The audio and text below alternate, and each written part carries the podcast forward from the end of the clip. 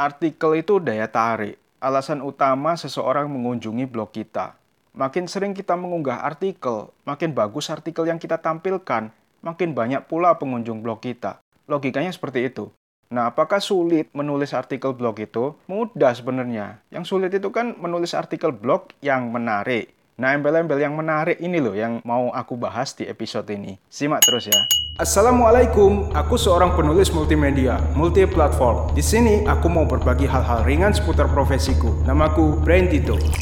Sebenarnya menarik atau nggak menarik itu relatif ya. Tema artificial intelligence atau AI misalnya. Menarik buat aku, tapi bisa jadi membosankan buat orang lain. Sebaliknya, balap mobil Formula One itu menarik buat seseorang. Tapi aku nggak tertarik sama sekali.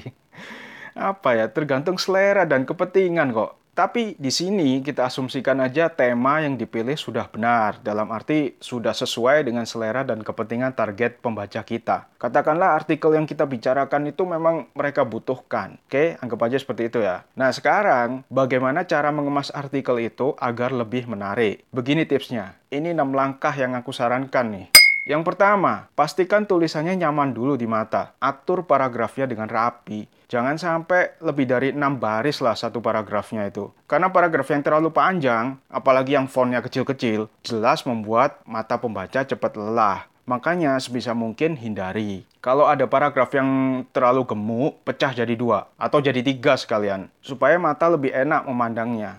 Mainkan juga kombinasi format bold atau tebal untuk menekankan kalimat yang penting dalam artikel italic atau miring untuk istilah-istilah asing dan underline atau garis bawah. Tapi jangan kebanyakan juga karena bisa bikin artikel jadi kelihatan norak. Oh ya, hindari bahasa alay. Ini asli norak nih menurutku. Dan nggak akan kedetek oleh set engines. set engine aja lo males baca kata-kata alay gitu. Apalagi manusia.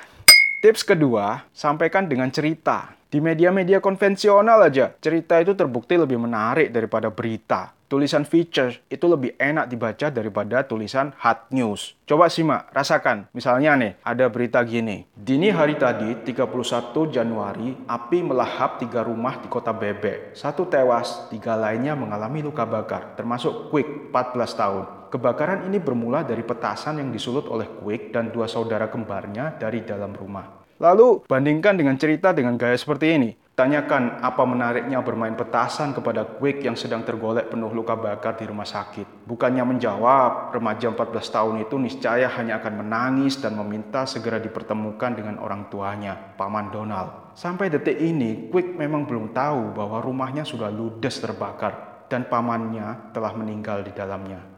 Tuh kan, tulisan yang kedua lebih menarik dibaca, lebih apa emosional gitu kan. Begitu juga kalau kita meletakkannya di blog. Kenapa? Karena tulisan yang kedua nggak sekedar menyampaikan rentetan data dan fakta, tapi juga sebuah penuturan, sebuah emosi, storytelling.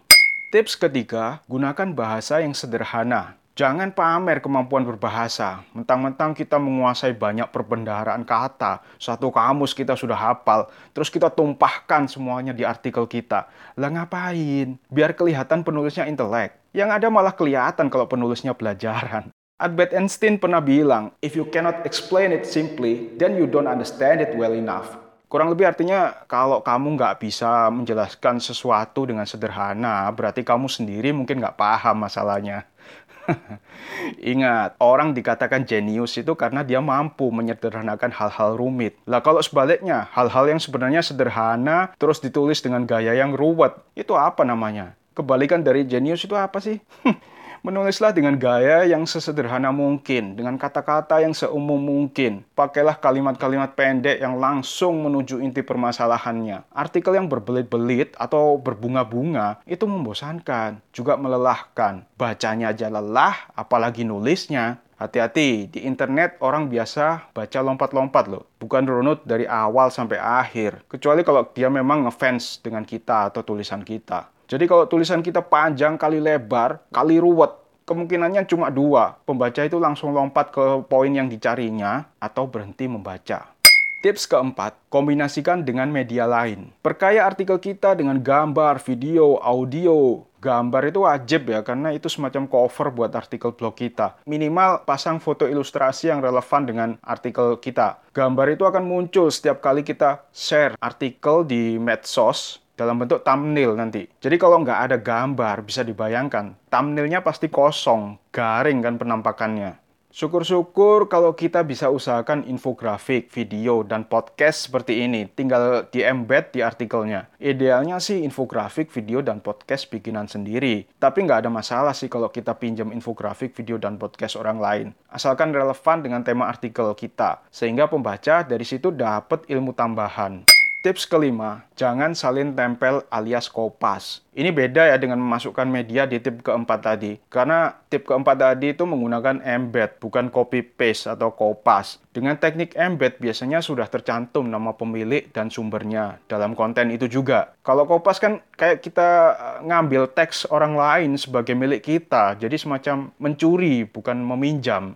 Artikel yang keseluruhannya atau sampai separuhnya hasil kopas, meskipun disebutkan sumber aslinya, tetap aja akan menurunkan kredibilitas kepenulisan kita. Set engine pun jadi males menampilkan artikel-artikel kayak gitu di halaman hasil pencariannya. Kalau ada artikel yang kembar, set engine pasti lebih suka menampilkan artikel aslinya, bukan fotokopiannya. Makanya selalu usahakan tulisan kita original kalaupun mau mengutip, misalkan kayak jurnal ilmiah, skripsi, tesis, atau artikel Wikipedia, ya kutip aja. Tapi kan ada aturan mainnya, jangan asal kutip. Tips keenam, buat judul dan awalan yang menarik. Ini yang terakhir dan penting banget nih. Headline atau judul dan lead atau paragraf awal itu berpotensi membuat pembaca kita penasaran dengan isi artikel. Dari situ dia akan memutuskan mau mengklik dan membaca artikelnya atau melewatinya begitu saja. Jadi buatlah headline dan lead yang mengandung petunjuk artikel ini bicara apa sih? Secara singkat, berisi, dan menarik. Menarik itu dalam arti boleh kontroversial, boleh provokatif, boleh mengandung rahasia, lucu, menggelitik, atau nyeleneh. Boleh, asalkan memang artikel kita membahas itu. Jadi bukan clickbait yang bikin pembaca ujung-ujungnya kecewa dan kecele tugas headline dan lead memang untuk menarik orang supaya mau membuka konten kita. Sebagaimana judul dari episode podcast ini yang berhasil membuat Anda bertahan mendengarkan sampai akhir, sampai menit keberapa ini ya, ya kan? Ngaku aja lah. Baik, terima kasih sudah menyimak sampai akhir. Kalau dirasa bermanfaat, tolong episode ini di-share ke medsos, ke blog, ke WA, atau ke teman-temannya secara offline. Boleh, silakan. Titip salam dari aku ya. Salam sukses dan salam sehat buat semuanya. Brain Dito pamit dulu. Sampai ketemu di episode-episode podcast secangkir espresso Brain Dito berikutnya. Wassalamualaikum.